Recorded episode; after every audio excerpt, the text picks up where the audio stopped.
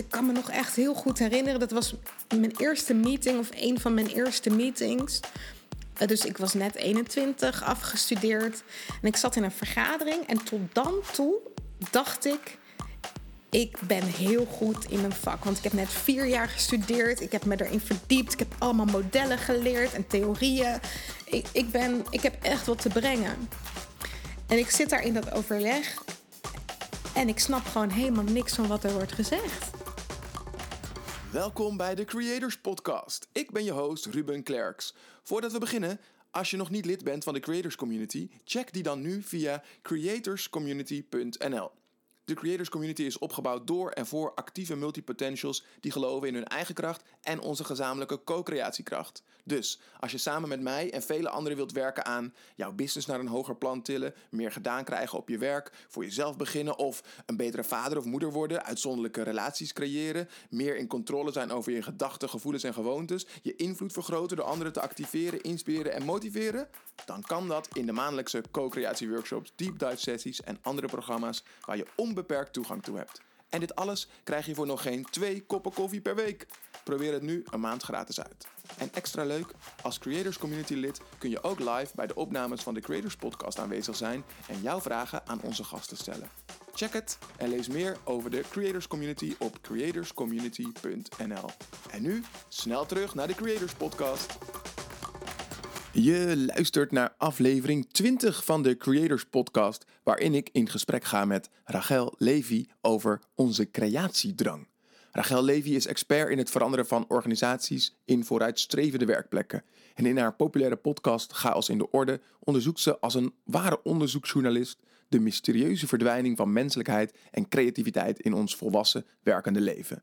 Naast haar podcast helpt ze ook meer creativiteit in organisaties brengen met haar bedrijf Huis van Verbeelding.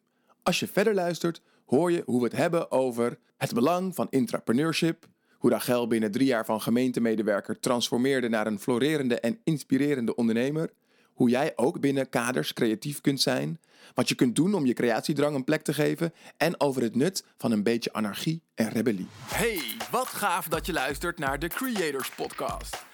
De podcast die je helpt om meer uit je ideeën te halen. Jij bent geweldig, dat weet ik gewoon. Maar laat jij wel genoeg van jezelf zien?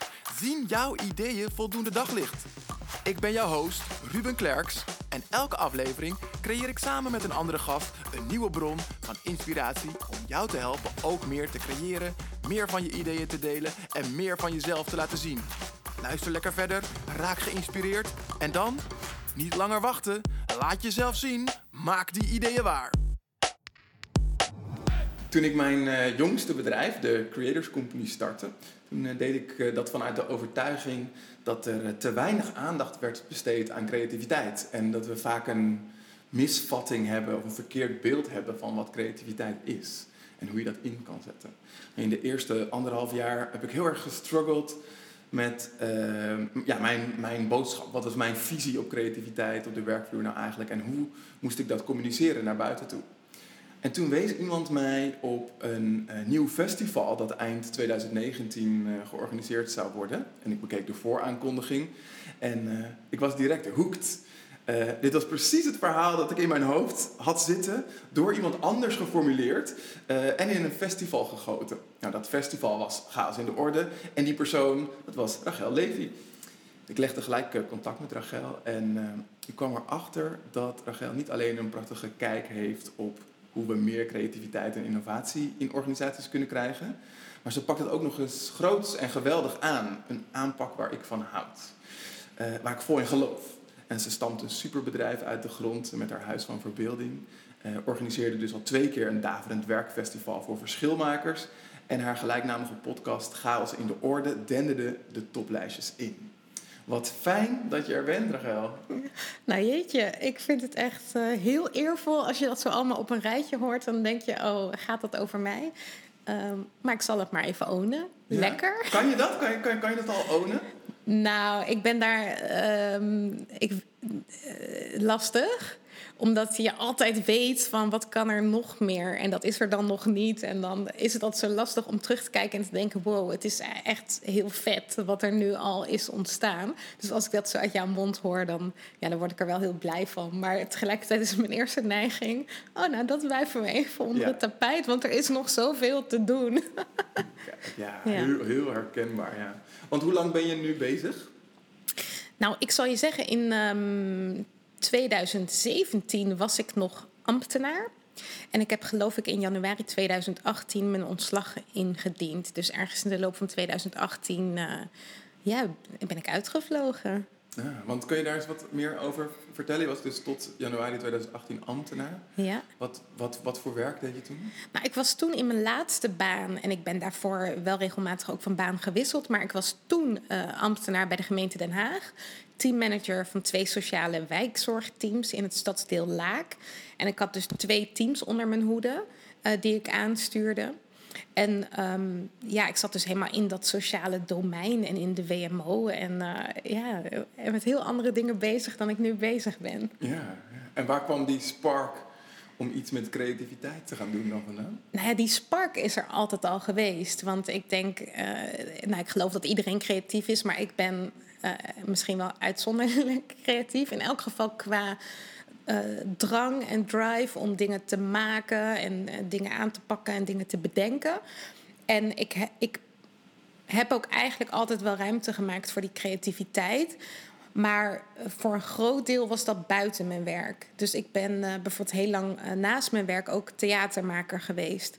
En dan um, ja, was het zo dat ik bijvoorbeeld twee avonden in de week en een weekenddag gaf ik les aan een theaterschool. En dan regisseerde ik en dan schreef ik aan voorstellingen of ik maakte voorstellingen. En in mijn werk probeerde ik ook creatief te zijn, maar dat kwam dan altijd minder aan bod. Dus die spark is er denk ik altijd geweest. Um, maar op een gegeven moment heb ik gewoon gemerkt van het is te weinig. Want die creatie-energie is zo groot. En in een organisatie moet je dat dan toch binnen een kader altijd gieten. En nu dat kader weg is, ja, kan er gewoon veel meer ontstaan. Ja, ja zo is het ook alweer. Ja, ja, ja. Want als je als we het hebben over creativiteit. Misschien is het wel goed, want er is best wel veel mystiek omheen. En volgens mij gaat daar ook onder andere je podcast gaan in, in, de orde over. Die mystiek ontrafelen, mhm. zoals je zo mooi zegt. Maar wat is voor jou creativiteit? Wat is jouw definitie van creativiteit? Nou, eigenlijk heel letterlijk creatie. Dus dat is alles wat je zou kunnen scheppen of wat uh, geschapen wil worden. Dat kan een idee zijn, dat kan een ingeving zijn, dat kan een product zijn, dat kan een dienst zijn. Ehm, dat kan een knutselwerkje zijn, dat kan een voorstelling zijn, dat kan een muziekstuk zijn. Dus alles wat we maar kunnen scheppen, dat is voor mij uh, creatie. En een wiskundige die op een gegeven moment een soort slimme formule ontdekt, dat is voor mij net zo goed creatie als een kunstenaar die uh, een of ander uh, abstract uh, werk in de stad neerzet. Dus ja, het is eigenlijk heel breed. Misschien wel alles waar we net geen grip op hebben en waarvan we denken: wow, wat bijzonder dat we dat als mensen gewoon kunnen, ja, kunnen creëren, kunnen scheppen. Ja, ja, ja. En wat was het dan in jouw werk als, als ambtenaar wat je, wat, je, wat je niet kon creëren, waarvan je dacht van dat kan ik hier niet kwijt? Nou, in een organisatie uh, heb je gewoon een bepaalde rol. En je bent ook op die rol ingezet. Uh, mensen hebben een bepaald takenpakket voor je in gedachten. En binnen dat kader uh, is er eigenlijk altijd wel ruimte. En het zit ook in mijn aard om altijd te kijken hoe groot kan ik die ruimte maken. Uh, hè, want vaak wordt er wel gezegd van... Nou, oké, ik wil dat je aan het einde van deze periode dit oplevert. Uh, of ga met dit project aan de slag. Maar niemand zegt eigenlijk hoe. Dus in het hoe heb je eigenlijk altijd heel veel ruimte. Maar toch uiteindelijk ben je wel voor dat ene doel er. En daar ga je toch naar, uh, naar schikken. En dan, dan, ja, het is dus creatie binnen een kader. en dat heeft gewoon zijn grenzen. En ik merk nu ook, nu ik ben uitgevlogen uit organisaties, is er ook.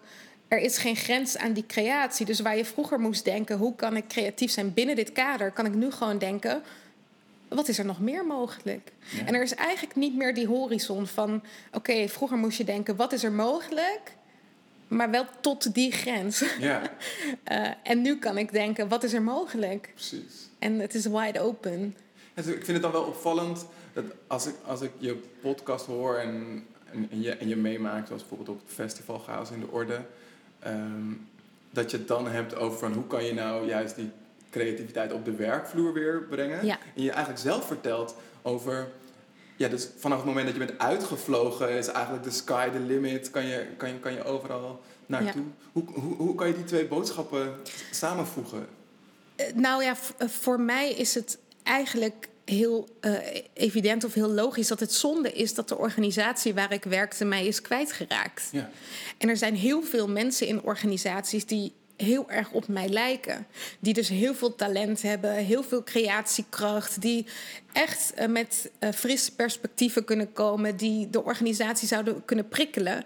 En veel te vaak zien organisaties volgens mij mensen die heel veel drive en bevlogenheid hebben vertrekken. En ik vind het eigenlijk heel erg zonde dat eh, mijn organisatie mij niet heeft kunnen vasthouden. Dus waar ik naar ben gaan zoeken is, hoe kan je nou in organisaties meer ruimte geven aan die creatiedrang die mensen toch wel hebben? En hoe kan je dat dan ook ten dienste laten werken van de organisatie en het organisatiedoel? En nu ik eh, zeg maar vrij ben, en dat is het, het voordeel, je hebt dat denk ik ook nodig, kan ik veel meer uitzoomen en zien van wat zijn de grotere mechanismen en de patronen. En je kunt nu eenmaal soms makkelijker als iemand van buiten mensen binnen wakker schudden dan van binnen. Want Ja. dan zit je te veel op dat microniveau met elkaar vast in patronen. Dus voor mij is het ook logisch dat ik nu vanuit die vrijheid dit kan eh, brengen. En het gekke is, ik krijg soms ook wel de vraag: ja, maar waarom zou je dan nog met die organisaties bezig zijn? Van weet je, zoek dan gewoon helemaal de vrijheid. Maar ergens, ja, ik ben toch nog echt verliefd op wat organisaties in onze maatschappij betekenen, Ja. wat, ze, wat ze te doen hebben. En ik kan het gewoon niet loslaten. veld, eh, ja. ja. ja, ik kan het niet loslaten en ik wil het ook niet loslaten. En ik vind het gewoon alleen maar heel erg leuk en een grote uitdaging om met mensen te kijken van ja, maar het moet toch ook anders kunnen? Want zou je dan in, in essentie mensen willen helpen om ook hun vleugels te kunnen spreiden binnen die organisaties of dan daarbuiten misschien wel? Of wil je die organisaties helpen om die vliegruimte te vergroten? Eh, ja, beide. Maar een organisatie is natuurlijk niets anders dan gewoon een groep mensen die samenwerkt Ja. aan hetzelfde doel. Dus ehm, als de mensen meer ruimte gaan maken voor hun talent. eh, en meer ruimte gaan maken voor hun, ja, hun creatievermogen. Dus het vermogen om op een frisse manier te kijken naar een vraagstuk. Dan komt dat organisatieniveau vanzelf wel. Dan, Ja. dan wordt het daar ook interessanter. Ehm, dus ik begin bij de mensen. En voor mij is het toch heel erg samen te vatten vanuit, ja, ik noem dat het intrapreneurschap. Dus dat, die vrijheid die ik nu ervaar in het ondernemerschap, eh, die, die kun je ook vertalen intern in een organisatie. Maar het vraagt wel een wat andere mindset die er nu is. Ja. Dus, dus wel echt dat, dat ondernemerschap in mensen aanwakkeren, dat is wel voor mij de essentie. En daar heeft volgens mij een individu baat bij, maar ook de organisatie als systeem. Ja, want dat is wel iets wat ik herken. Het, het, het werkt van twee kanten. Het moet ook van twee kanten tegelijkertijd werken. Want ja, je kan wel bij een persoon aanwakkeren dat hij meer gaat ondernemen. Maar als hij vervolgens daar niet de ruimte voor krijgt, dan loopt hij eigenlijk tegen datzelfde plafond Ja. aan als waar jij ook over Ja. sprak. eh. Ja, en, en weet je, je had het net over wat is eigenlijk het doel? Hè? Wil je dat mensen hun vleugels gaan spreiden? Nou ja, ik koppel dat eigenlijk een beetje los, het resultaat.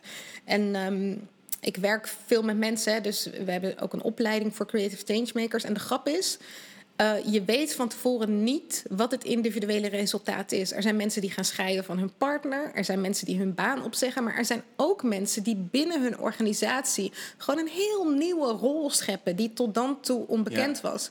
En ik denk, al die uitkomsten zijn gewoon even positief en interessant. Ja, ja, mooi. Ja, grappig dat je dat zegt. Want dat, dat, dat raakt me heel erg. Omdat hè, ik, ik opende met dat ik zo'n zoektocht had naar mijn, mijn boodschap. En zelf heb ik heel erg gemerkt dat dus creativiteit ook gaat eigenlijk over een soort van persoonlijke ontwikkeling. Dus dat, dat je dat ook ziet in je Creative Changemakers klas. Dat mensen zelfs scheiden van hun, van hun partner. Natuurlijk niet iets wat je nastreeft, maar het is wel dat mensen zich eigenlijk ja, meer gaan ontwikkelen. Ja. eh, doordat ze dus ook met die creërende kracht eh, Ja. in zichzelf eh, in contact komen. Nou ja, volgens mij komt dat omdat creativiteit ook heel erg gaat over eh, het denken in ruimte en mogelijkheden. En op het moment dat je dat in jezelf weer gaat aanboren. Hè, veel mensen zijn het ergens onderweg verloren. Maar op het moment dat je gaat aanboren in jezelf. waar is de ruimte en waar zijn de mogelijkheden. dan kan je eigenlijk niet dat alleen maar heel eh, beperkt eh, gaan toepassen op eh, je werk. Dan, dan ga je het ook zien in je privéleven. En dan ga je je ook die vraag stellen van ja, maar wat als er voor mij nou heel veel meer mogelijk is dan ik nu denk?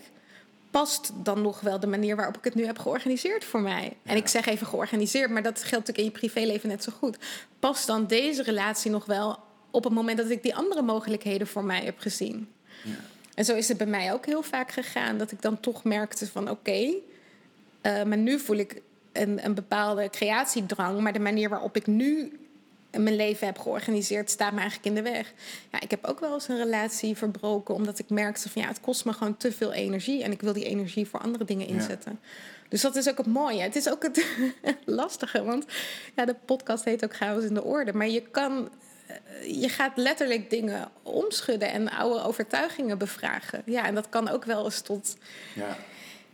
soort chaos leiden die je misschien niet had verwacht. Ja, die eh, overtuigingen vind ik, vind ik interessant. Wat is bijvoorbeeld een, een overtuiging die jij had tot 1 januari 2018 en die je ergens daarna misschien wel hebt veranderd?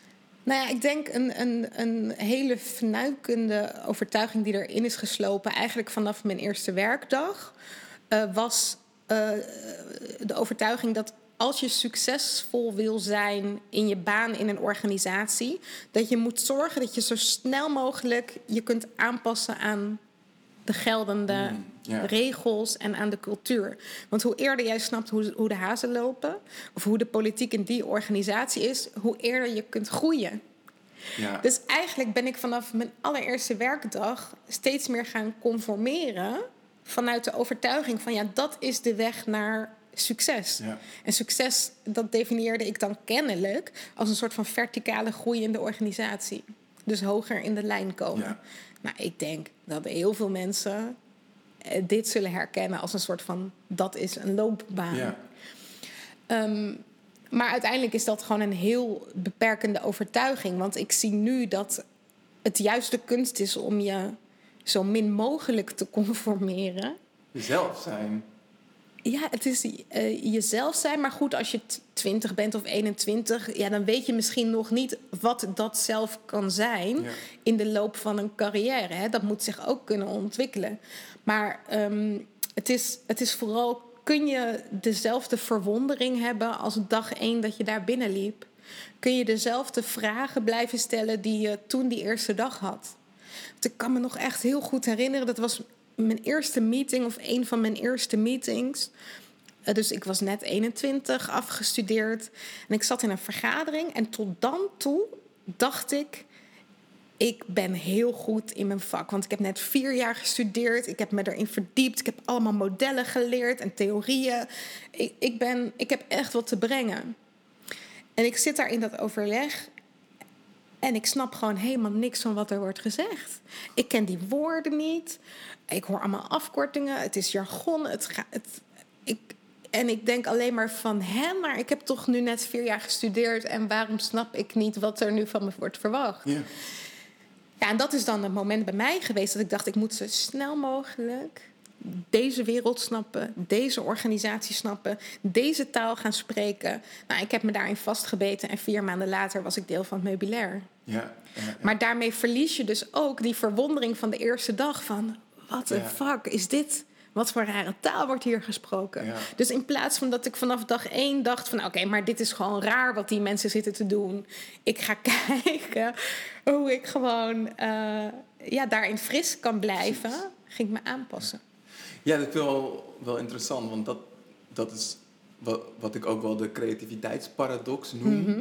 Dat eh, binnen organisaties, die, die zijn eigenlijk op zoek zelf actief naar die nieuwe frisse blikken. Dat is eh, meestal hebben ze ervaring dat iets niet is gelukt of uh, dat ze iets nieuws willen en dan halen ze nieuwe mensen binnen. Maar eigenlijk binnen no time zijn die nieuwe mensen, zijn inderdaad zoals jij zo mooi zegt, onderdeel van het meubilair geworden.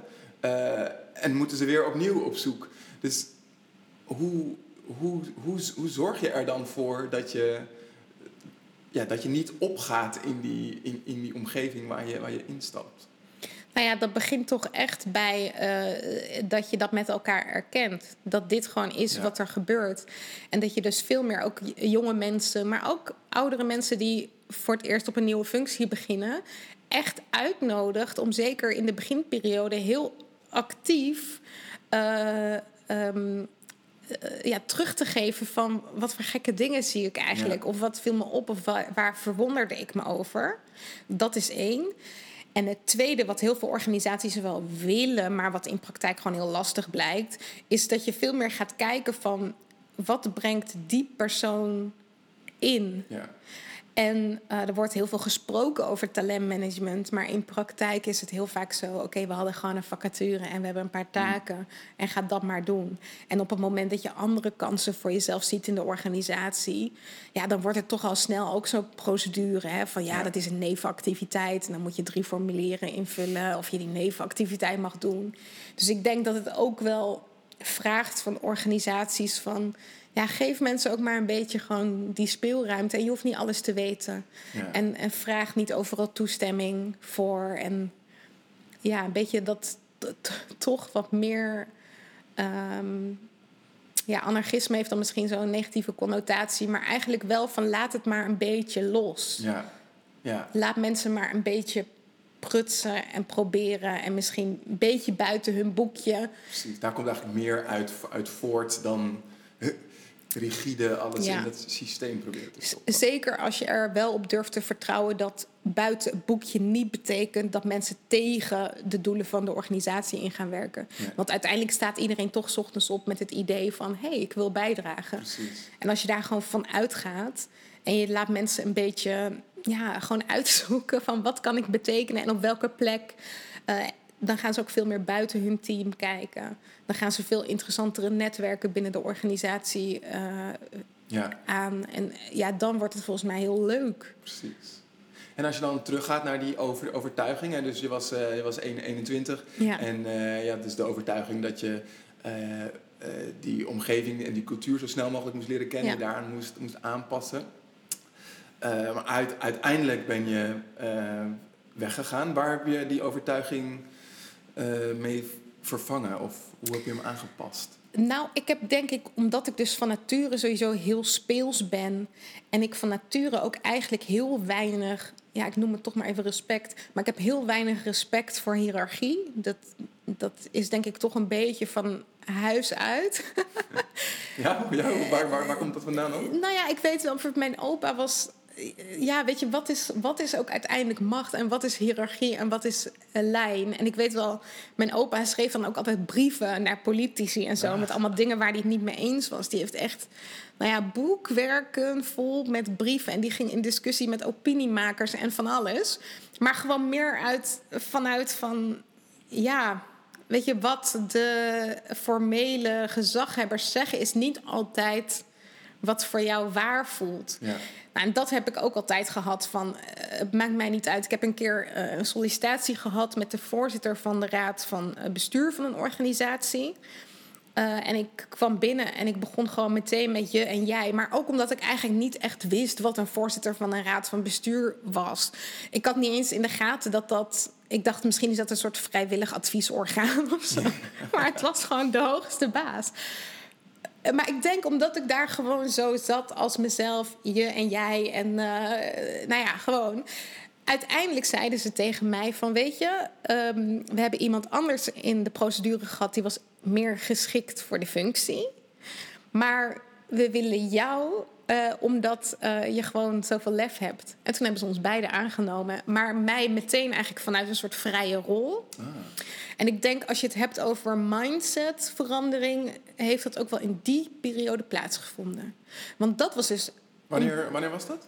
Ja, wanneer was dat? Ik denk um, ongeveer zes jaar voordat ik ontslag nam. En dat was ook in een andere organisatie dan de gemeente waar ik ben geëindigd. Dus dat was mijn voorlaatste baan. Ja. En ik kwam daar en ik had dus op papier een bepaalde rol, maar iemand anders was op die rol ook aangenomen. Dus wij moesten samen het een beetje uitzoeken.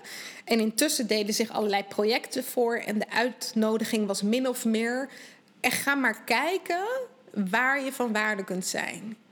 Nou, en in die tijd, eh, ja, dan kun je een beetje onder de radar opereren. Ehm, en ideetjes roepen en proefballonnetjes oplaten. Ja, toen kwam dat speelsel wat ik toch al had en wat ik eigenlijk altijd wel heb eh, geprobeerd te, op te zoeken in mijn werk. Maar toen was het gewoon, ja, doe maar. En je hoort het wel als we het niet oké vinden. En dat was ook de baan eh, waar ik op een gegeven moment door eh, mijn directe leidinggevende min of meer op het matje werd geroepen. Die zat toen tegenover me met zijn armen over elkaar, een beetje achterover geleund. En die zei: Ja, weet je wat het is? Je hebt nu een soort van eigen winkeltje binnen de winkel gecreëerd. En ik vind dat heel lastig, want je hebt dus eigenlijk je meer ruimte gepermitteerd dan je directe collega's in het team. En je bent allemaal dingen aan het doen die je zelf leuk vindt. En ik weet niet zo goed hoe ik daar mee om moet gaan en hoe ik dat moet aansturen. En toen wel, bleek... wel eh, open, eerlijk. Dat ja, nee, het was een hele goede. Dat was zeker. En, en, en toen was het gewoon even stil. En toen zei hij op een gegeven moment van, nou ja, je doet wel de goede dingen en mensen vinden het leuk wat je doet, dus het zal wel goed zijn. Nou ja, dan houden we het maar zo. Oh, wauw. Ik dacht, uh, je, gaat, uh, je gaat er naartoe dat, dacht ik dat hij gaat zeggen van... Ja, daar was ik even bang voor, want zo begon het wel. Hij zette het wel serieus in. Ik denk ook dat hij mij wel wilde laten voelen van... realiseer je dat dit ook voor je collega's lastig is? Want dat was het misschien ook wel. Ben je, ben je daarna dan toch meer gaan conformeren? Nee, ik heb op dat moment, toen hij zei die winkel binnen de winkel, eerst snapte ik het niet en ik vond het een beetje overdreven. Maar toen later ging ik daarover nadenken en toen dacht ik van ja, dus dit is het. Ik heb een winkel binnen de winkel, maar eigenlijk is dat een kunst? En hoe kan ik nog meer in mijn etalage laten zien wat ik kan? Ik heb min of meer een soort vrijbrief. En toen ging ik ook zien dat er heel veel winkels zijn die winkeltjes binnen de winkel hebben. Hè? Een bijenkorf is ook dat concept. Ja, ja. Shop in shop. Dus je kan wel samen de bijenkorf zijn en één merk en één uitstraling. En voor die organisatie gold ook. Het was niet dat ik een soort van heel andere dingen aan het doen was of tegen het belang van de organisatie in. Ik was wel heel erg aan het meewerken, maar wel met mijn eigen winkeltje. Nou, toen ben ik eigenlijk dat intrapreneurschap gewoon gaan claimen en ownen en op voort gaan borduren. En uh, ja. Cool. Had ik nog steeds te maken met kaders. En er waren ook echt dagen met hele suffe overleggen. En dat ik helemaal leeg liep. Dat is de andere kant. Het was nog steeds binnen kaders. Maar het, het was wel uh, een leuke periode. Ja. ja. En toen, uh, 1 januari 2018, toen begon, uh, het klinkt bijna als een, als een, als een nieuw leven. Uh, dat is het ook, dat is het ook. Ja, misschien nog wel grappig om dus één stapje terug te gaan. Ik ben dus na die organisatie nog één keer van baan gewisseld. Nog één keer naar een grote gemeente.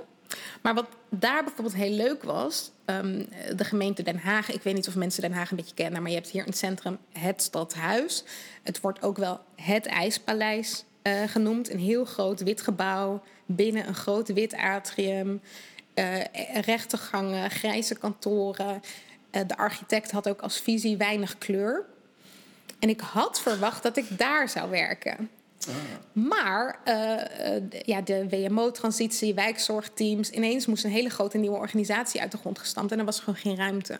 Dus wij werden in een of ander afgekeurd pand van de gemeente, een oud pand wat eigenlijk al was afgeschreven, wat helemaal leeg stond, was al leeggehaald. Daar werden wij ingeplaatst. Nou, en dat was echt, toen ik daar voor het eerst binnenkwam, dacht ik: wat is dit voor een armoedige shizzle? Maar het leuke was, wij waren dus niet op het stadhuis. We zaten ook in een of andere wijk, eh, helemaal niet in het centrum. Dus we waren eigenlijk compleet onder de radar van de organisatie. De directie zat allemaal lekker in het stadhuis en wij waren daar. En dat was zo leuk, want in het begin dacht ik dus van nou, het is totaal niet inspirerend. Maar uiteindelijk bleek het super inspirerend. Want als je onder de radar kunt opereren, dan kun je met elkaar, en dat gebeurde ook echt daar, een soort vrijplaats creëren. Waarin ja, er kon heel veel, want niemand zag het. dus we konden daar echt. En dat deed me dan wel eens denken. Ik heb een keer een hele mooie documentaire gehoord over de Conrad in Amsterdam. Dat was in de jaren tachtig een soort uh, vrijplaats, een kraakgemeenschap. En daar kwam ook geen politie, geen belastingdienst. De gemeente kwam daar niet. Het zat ook op een heel afliggend terrein ergens eh, in Amsterdam, industrieel. Daar hadden ze op een gegeven moment uh, bedachten ze zelf een rampenhotel waar dan junks mochten logeren. Ze hadden van een failliet circus hadden ze olifanten en leeuwen. En dat je denkt, dat, dat kan in Nederland. Maar kennelijk onder de radar kan je gewoon heel veel creëren. En ik denk dat daar dus dat intrapreneurschap nog meer is aangewakkerd. En dat ik toen ook voor het eerst snapte van oké, maar als je dus dit soort ruimte krijgt, dan is dat voor een organisatie eigenlijk heel interessant. Je bent lekker aan het luisteren en wees gerust, deze aflevering gaat ook zo weer verder. Maar zoals het zo vaak gaat, vergeten we in de waan van de dag wat echt belangrijk voor ons is. Vind je deze podcast leuk? Maak het jezelf dan gemakkelijk door de podcast te volgen of je te abonneren. Klik op volgen of abonneer, zodat je zeker weet dat je volgende afleveringen niet mist. En nu, gauw verder luisteren. Uh, nee, dus en eigenlijk ben ik daar dus mijn visie gaan vormen en dacht ik van oké, weet je, als ik dit buiten kan doen en ik kan er vorm aan geven en een methode voor vinden um, en ik kan dat toetsen en ik kan dat groot maken, ja, waarom zou ik het niet een keer proberen? Ja, wat goed zeg, wat goed. En toen kwam dus Huis van Verbeelding. Ja. Maar had je, had je al gelijk een beeld van wat het moest worden? Nou, Huis van Verbeelding uh, had ik grappig genoeg een paar jaar daarvoor al eens bedacht. Want ik had toen een, een ex-vriend of een vriend die was ondernemer. En toen zat ik eens met hem op een bankje in het park. En toen zei ik van, oh ja, ik zou misschien ook wel wat willen. En dan noem ik het Huis van Verbeelding. Maar toen hij vroeg van, en wat ga je er dan in doen? Ja, toen had ik eigenlijk nog geen idee. Weet je, het had nog alles kunnen zijn. Grappig dat het dus eerst begint met, een, met een naam. Ja. Heel herkenbaar. Ja, en de, de grap was... Uh, weet je, het had ook echt van alles nog kunnen zijn. Het had theater kunnen zijn. Maar ik voelde, waarom is het huis van verbeelding? Ik heb gewoon een plek voor mezelf nodig waar ik mijn verbeeldingskrachten in kwijt kan. En toen was ik nog ambtenaar, dus ik zag het nog niet. Maar het gevoel dat ik die vrijheid nodig had, was er dus wel. Ja. Nou ja, en toen op een gegeven moment viel wel het kwartje. Toen dacht ik, ik ga eerst maar eens beginnen met zorgen dat organisaties minder gaan informeren en meer gaan inspireren. En ik was toen al heel veel bezig met visueel werken. Dus in plaats van beleidstukken maken, um, ja, visie, missie, strategie in tekeningen samenvatten. Toen dacht ik, nou, ik ga daar eens mee beginnen. En vanuit daar zie ik het wel weer. Ja. En zo is het gegaan. Ja. ja. En ik hoor er ook heel erg in dat als je, als je weer terugkijkt naar die talenten en die ruimte.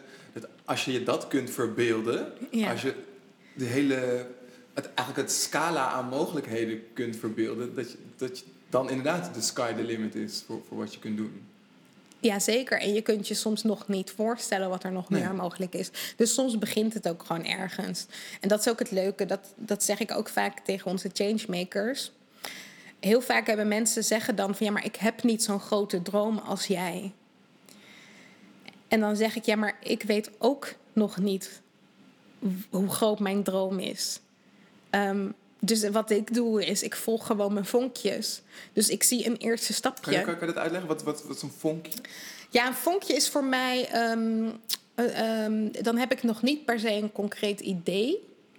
Dus het is nog niet omlijnd. Ik weet nog niet het, precies het eind voor ogen. Maar ik heb wel een soort van eerste impuls... waarvan ik denk, dit is leuk. En dan ga ik dat eerste vonkje gewoon volgen. Heb bijvoorbeeld dat idee van, nou, misschien ga ik eerst gewoon eens even beginnen met dat tekenen als eerste stapje. En als ik dat stapje zet, dan voel ik weer ergens anders een vonkje van, oh, weet je, het kan nog ruimer of groter.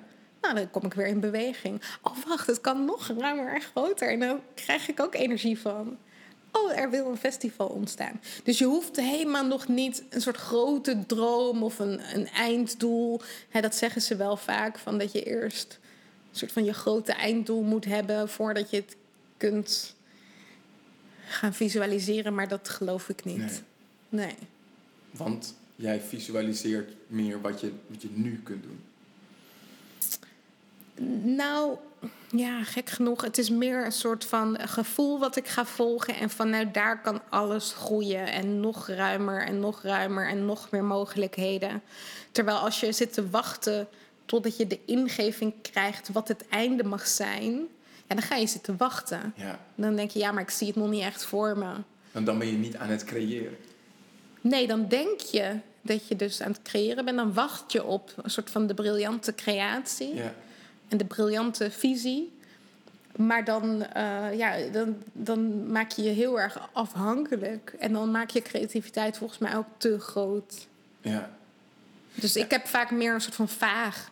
En dat vinden mensen om mij heen soms heel moeilijk. Want daardoor lijkt het soms alsof ik ja, niet echt mensen meeneem in mijn visie of zo. Maar dat, dat werkt gewoon bij mij ook niet zo. Het is meer van, ik heb een soort, eh, in een flits zie ik voor me van hoe leuk zou het zijn als er nu een festival was. En dan eh, heb ik het eigenlijk ook al, dan is het er eigenlijk al. En dan denken mensen van, hè, maar waarom heb je ons niet meegenomen in wat de strategie precies is en zo.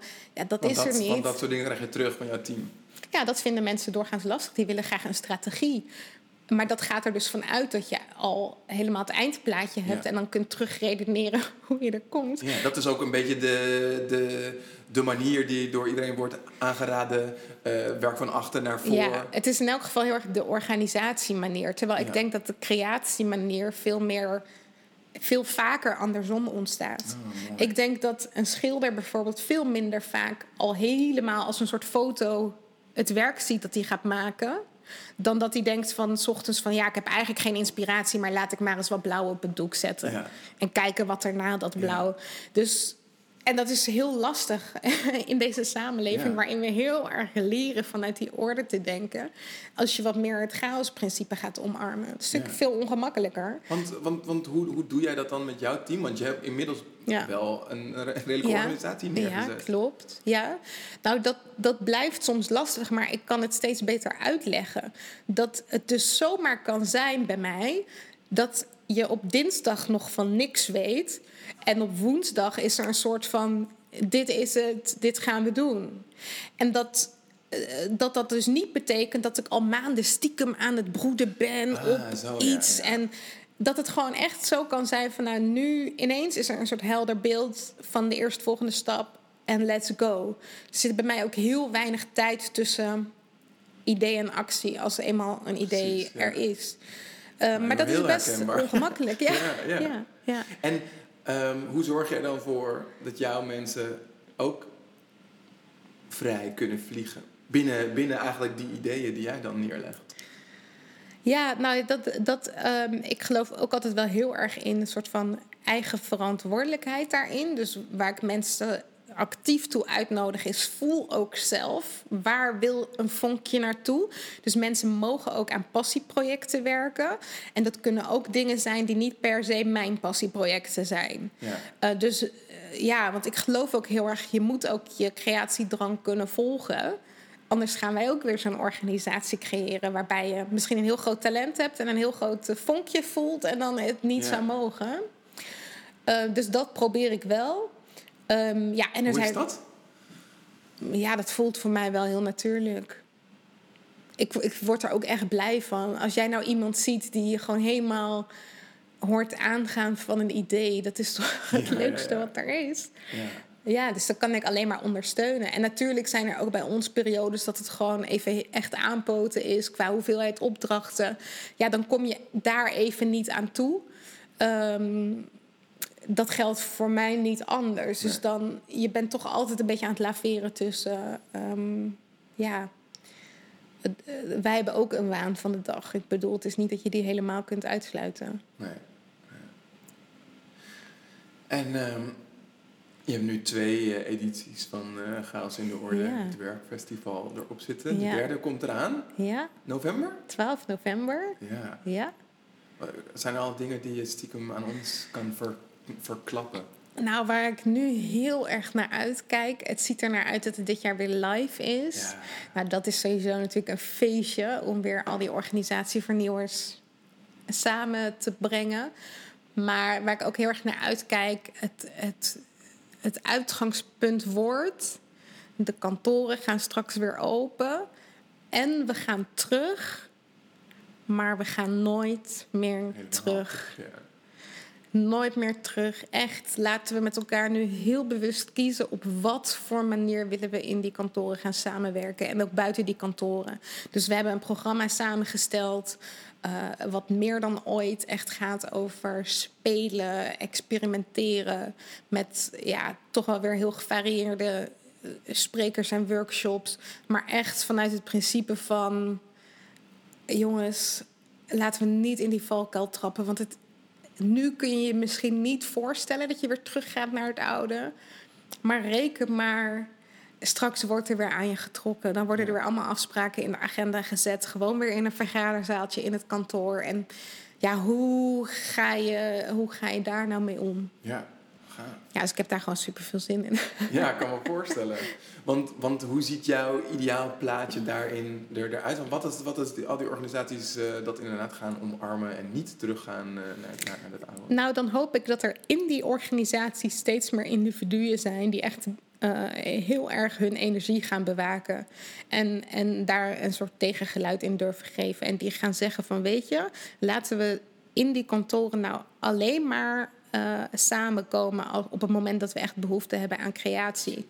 Maar laten we dan ook zorgen voor een vorm die echt creatief voelt en Ja. die ons energie geeft. Dus laten we dan zaal in de stad in een met een grote uniform, ja, ja, eh, ja, ja. Maar laten we het dan echt anders doen. Want dat is de waarde van de ontmoeting. Dat is de waarde van samen eh, iets creëren. Dat is de denkkracht met elkaar eh, bundelen en eh, ruimer maken. En eh, ja, ik, ik, ik hoop dat er steeds meer individuen zijn die bereid zijn in zichzelf de verandering op te zoeken. En uiteindelijk kan het niet anders of dat heeft impact op de teams waarin ze werken. Ja. Ze hebben meer organisatierebellen. Ja, precies. Ja, dat, dat, dat woord rebels kwam Ja. net, ook in me op Ja. toen je het had over Ja. anarchistisch. Dat, Ja. dat je, dus je zou mensen willen, willen oproepen tot een beetje meer organisatierebellie. Ja, want het is nodig. Eh, en, en ik bedoel met rebel, dus niet, dat is niet van tegen heug en meug soort van, van eh, vechten. Maar het is meer door je eigen gedrag aan anderen laten zien van... hé, hey, wacht, het kan ook anders en het is superleuk. Maar iemand moet patronen doorbreken. Ja. En hoe meer mensen dat zijn, hoe meer ruimte je ook geeft in het speelveld aan anderen. Dus, maar we hebben eerst die chaos nodig. En het voelt misschien tegenstrijdig, omdat we uit een periode van heel veel chaos komen in de beleving van mensen. Maar de chaos die ik bedoel, is wel echt gewoon het omploegen van de gebaande paden en het omploegen van de structuren zoals we ze gewend zijn. En gewoon elke keer opnieuw de vraag stellen: is het waar dat we het zo moeten doen? Mm. Of kan het ook anders? Ja. Ja, en het kan natuurlijk altijd anders. Het kan altijd anders. En je moet steeds uh, met elkaar zoeken van wat vinden we nog prettig en wat dient ook ons doel. Ik geloof echt niet in complete anarchie. Ik bedoel, ook voor mijzelf geldt dat ik heel vaak het meest creatief kan zijn als er ook heel veel orde is. Ja. Want als mijn aanrecht vol staat met vaat en uh, ik zie overal zooi. Uh, dan ben ik ook niet in die. Ja, afgeleid. Ja, dan ben ja. ik ook afgeleid. Dus zou, het is zou je ook... eigenlijk nu nog weer terug kunnen in, in zo'n or organisatie? Ik, zou, ik wil, wil, bijna zeggen, aan de hand van jouw metafoor, zou je weer terug die kooi in kunnen? Nou, ik zou het nooit meer willen, omdat ik nu dus heb gevoeld... als je kunt creëren zonder een, een, een grens... Uh, dus altijd kunt denken, wat is er nog meer mogelijk... zonder dat je hoeft te denken binnen het kader. Ja, weet je, ik zou nooit meer terug willen, maar zou ik het kunnen? Ja, ik zou wel onder andere voorwaarden starten. Ik zou wel echt in mijn sollicitatiegesprek kritische vragen stellen... over hoe gaan jullie om met talentmanagement? Als jullie het hebben over lerende organisatie, wat betekent ja. dat dat voor mij? Mag ik uh, ook zelf gaan onderzoeken waar ik het meest van waarde ben? Mag ik experimenten opstarten als ik voel van hier is iets nodig? Dus ik zou het kunnen, maar ik zou het echt op een. Uh, ik, ik zou wel echt bewaken dat ik niet een soort uh, human resource word, een soort grondstof, Ja. zonder dat ik het beste kan bijdragen voor de organisatie. En voor mij betekent het beste bijdragen is dat ik dan ook de ruimte krijg om Ja. Uh, het beste te creëren. Nou, die boodschap onderschrijf ik helemaal. Eigenlijk zitten er al een paar mooie tips in, ook voor de, voor de luisteraars. Dus ook zelf kritisch doorvragen naar Ja. hoe, ja, toch soms ook holle frases Ja. dan eh, worden Ja, ingevuld. Dat is heel belangrijk, wat- wat het door, die taal, door die taal heen prikken. Ja, En een sollicitatie ook echt zien als... Het is een wederzijdse Mm, samenwerking. En ik denk dat ook heel veel mensen zo nerveus zijn over een sollicitatie... dat ze zo bezig zijn met de perfecte antwoorden vinden Ja. op mogelijke vragen. En, en eigenlijk dan al aan zichzelf voorbij gaan. En de vragen eh, bedenken van ja, maar wat heb ik nodig om echt ook voor zo'n organisatie ja, van grootste waarde Ja. te kunnen zijn? En wat moet ik dan vragen om zeker te weten dat ik in een juist speelveld terechtkom? En wat ik daarin ook altijd een mooie vond, ik hoorde ooit zo'n tip van, ja, zorg dat je, dat je gewoon 20 minuten te vroeg bent, zodat je ook al gewoon, terwijl je zit te wachten, ook al rond kan kijken. Want uit die, uit, uit die 20, 15 minuten haal je misschien wel meer informatie dan het opgedirkte verhaal van diegene tegenover je, die ook eigenlijk alleen maar bezig is om jou Ja, ehm, eh, ja, voor te spiegelen Ja. hoe geweldig het bij hun is. ja, en luister ook goed naar welke vragen ze stellen. Want de vragen verraden natuurlijk ook heel erg wat de cultuur is. Of wat zij belangrijk vinden. En ja, ik denk dat we eh, toch in deze wereld waarin we gewoon heel veel cognitief bezig zijn, vergeten dat we ook nog intuïtie als instrument hebben. En als je nerveus bent, is het soms lastiger te voelen. Mm. Maar als je buiten komt en je denkt, oh, ik heb een slecht gevoel, dan kan het of zijn, eh, hè, wat we vaak proberen te verklaren, ja, maar ik vond het heel spannend. Of het is misschien wel, hoe ik ben het vast niet geworden, belemmerende overtuigingen. Maar het kan ook zijn dat je gewoon in de essentie hebt gevoeld van, Dat is het niet. oké, Ja. misschien is dit niet mijn speelveld. Heb je nog andere tips voor de, voor de luisteraars als ze, als ze meer hun rebellie willen ontwikkelen of hun intra, intrapreneurship? Ja. Nou, het eerste is, eh, vraag niet overal toestemming voor. Je kan soms beter achteraf met grote blauwe of bruine ogen zeggen van... oh, sorry, ik ging net iets te snel. Dat wordt je echt wel vergeven. Ja. Eh, want je weet het heus wel als er echt een politiek gevoelig onderwerp is... en dan eh, moet het onder tijdsdruk. Dat zijn ook niet de momenten voor eh, experimenten of creatie. Maar over het algemeen, je kan heel veel dingen doen zonder er toestemming voor te vragen. Eh, dus sta jezelf ook dat experiment toe. Dat is één. Ehm, en ehm, het tweede is dat ehm, je eigenlijk wil ik je uitnodigen om. Ja, er is een kader in een organisatie. En dat kader is meestal. Oké, Ruben, we vragen nu van jou: wil jij in een jaar tijd met een werkgroep aan de slag met thema X? En het eindresultaat moet zijn nou ja, dan hebben we met elkaar een eh, organisatiestructuur bedacht of whatever. Dus ze zeggen wel van Ruben, we willen dat je van A naar B komt. Maar eigenlijk zegt niemand, Ruben, we willen dat jij twaalf vergaderingen gaat plannen. Dat je in die vergaderingen in een U-vorm gaat zitten. Dat je altijd begint met een eh, mededelingenronde eh, en dan een soort van oeverloze discussie. Nee, er is eigenlijk heel, heel, heel veel creatieruimte. En iedere dag in je werk kun jij creatief zijn met je collega's als je dat wil. Maar je moet alleen even die knoppen omzetten van, oh ja, weet je, eigenlijk is er niemand in de organisatie die zegt, het kan niet.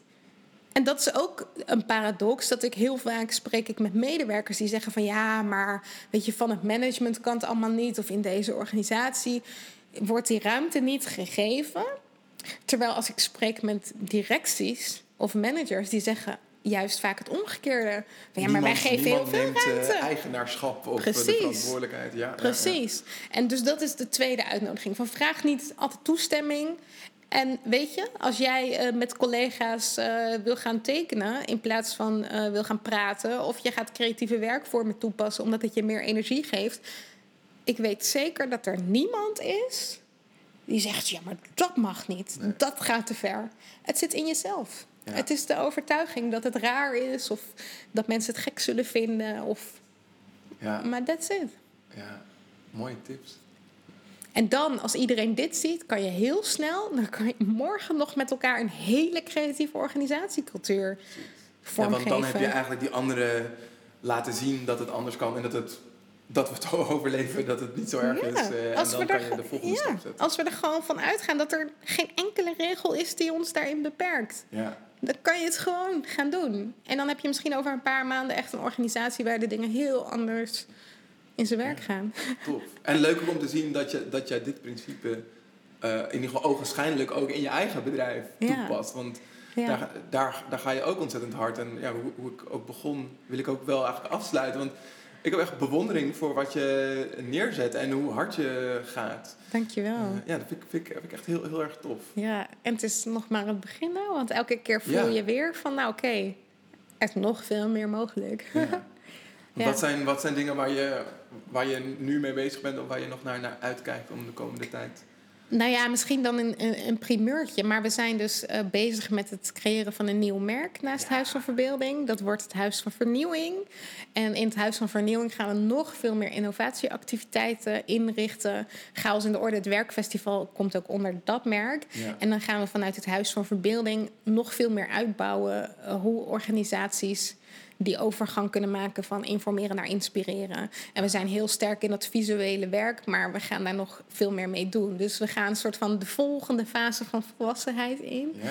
En eh, ja, ook ons eigen speelveld weer vergroten. Eh, ja, dus daar kijk ik heel erg eh, naar uit. Ja. En kan je, dan, kan, kan, je, kan je dan nu wel terugkijken op inderdaad, nou, de afgelopen 3,5 half jaar en wat je dan ja, al hebt neergezet? Het was natuurlijk gewoon eh, een geweldige rollercoaster. En ik heb, eh, waar ik het in het begin heel eng vond om een baan op te zeggen, moet ik nu gewoon terugkijken en denken van, ja, die angst staat gewoon in het niet bij eh, wat ik nu kan betekenen voor al die organisaties. Ja. Dus ehm, ja, men heeft nu veel meer aan mij dan toen ik nog Ja, op mijn oude ja. plekje zat. Ja, dus eigenlijk. Is, je, is je doel ook vanzelf duidelijk geworden doordat je bent. Ja, doordat je bent gaan lopen, doordat ik ben gaan lopen. ja. Kan je nog, kan je nog kort benoemen hoe je dat hebt eh, aangepakt? Dus, en ik denk dat heel veel luisteraars dat zullen her- herkennen van... Ja, dat je misschien wel die stap wilt zetten, maar dat Ja. het zo overweldigend en spannend voelt. En hoe, hoe heb je dat Ja. aangepakt? Ja, het was echt eh, een, een periode van heel veel spanning die laatste maanden. Vooral in mezelf. En dan bedoel je de laatste maanden voordat ja, je voor het besluit. ging nemen? Ja, Na, na het besluit werd het ietsje makkelijker. nee, voor het besluit heb ik echt een paar maanden met een soort van dichtgeknepen keel rondgelopen. Want ik voelde wel een heel sterk verlangen. Maar al die zekerheden opgeven. En ja, toch zo'n mooie baan bij een gemeente. Het voelt als een gouden kooi. Dat zeggen mensen ook de hele tijd. Ja. Oh, het is zo'n gouden kooi. En waarom zou je dat achterlaten? En eh, ja, ook in mijn familie. Allemaal vragen die alleen maar gingen over zekerheid. Wat raak je kwijt? Niemand stelde de vraag: wat gaat het je eventueel opleveren? Dus dat was continu gevecht met mijn eigen mindset. Totdat ik mezelf eh, in december gingen we, eh, ik met mijn ex-vriend een weekje naar de Kaapverdische eilanden. En ik hoorde mezelf tien keer op dat strand vragen van wat moet ik nou doen? En ehm, ja, toen wist ik ergens wel van ja, steeds die vraag stellen is het antwoord geven. Maar ik kon het niet besluiten. Tot 3 januari kwam ik terug op kantoor. Eerste collega die ik tegenkwam, wat moet ik doen? En hij zei, ga gewoon. Want als iemand het kan, ben jij het. En gek genoeg had ik het even van een ander nodig. ik ben meteen die dag bij mijn leidinggevende eh, me gaan melden en gezegd, oké, ik neem ontslag. Op dezelfde dag nog? Ja, want ik, eh, uiteindelijk, je kan excuses blijven verzinnen. Dat voelde ik ook, want ik was al maanden excuses Ja. aan het verzinnen. Eigenlijk wist je het ergens al. Eigenlijk wist ik het ergens al. Toen had ik nog drie maanden opzegtermijn. Nou ja, en weet je, je kan heel praktische tips. Bouw aan een buffertje. Dat je weet dat je een paar maanden jezelf kunt redden. Zorg dat je alvast eh, klanten gaat werven. Want heel veel mensen die, eh, die gaan dan eerst maanden aan een website zitten werken. Maar Lekker opsluiten in hun eigen Allemaal ja. totaal niet belangrijk. Je hebt geen website nodig. Je hebt geen visitekaartje nodig. Wat je nodig hebt is gewoon dat je aan een opdracht kunt ja, werken. Ja, opdrachten omzet. Ja, en, en, en that's it. En toen ben ik gewoon... eh, maar ik vond het ook fijn om te weten van er is geen weg terug. Stiekem was er wel een weg terug. Want mijn leidinggevende had gezegd... weet je, mocht het nou niet lukken... je mag altijd, je mag me altijd bellen en dan is er een plek voor je. Toch een beetje zekerheid. Ja, maar ik, ik, ik wilde dat ook niet. En dat heb ik me toen ook voorgenomen. Dus dan, eh, ja, dan ga je gewoon. Gaaf. nou, en kijk waar we nu staan. Ja, Ontzettend bedankt, Rachel. Nou, graag gedaan. Ik hoop dat mensen hierdoor even zijn aangewakkerd. En eh, ja, dat ze ook weer zin hebben om gewoon lekker te kijken wat kan er allemaal. Ja, dat entrepreneurship Ja. eh, ontplooien. Ja. Dankjewel. Dank je. In de volgende aflevering spreek ik met niemand minder dan Ali B. over persoonlijke groei. Tot de volgende Creators Podcast. Wil je jouw waardering uiten over deze podcast? Dat kan. Deel dan op je socials dat je hebt geluisterd en wat je hebt geleerd uit deze aflevering. Delen wat je anders gaat doen na het luisteren werkt nog krachtiger. Dat helpt je pas echt creëren. En het helpt ons om nog meer mensen te bereiken. Dat zou top zijn. Dankjewel alvast dat je zo goed voor jezelf en ons zorgt. En wil je nou nog verder werken aan je persoonlijke ontwikkeling en dat op een leuke manier doen? Schrijf je dan in voor onze Self-Disco. Dan ontvang je elke week een mail boordevol tips, tools en inspiratie om jezelf en anderen beter te leren kennen, jezelf meer te laten zien en effectiever te communiceren. Surf naar www.thecreatorscompany.com en schrijf je in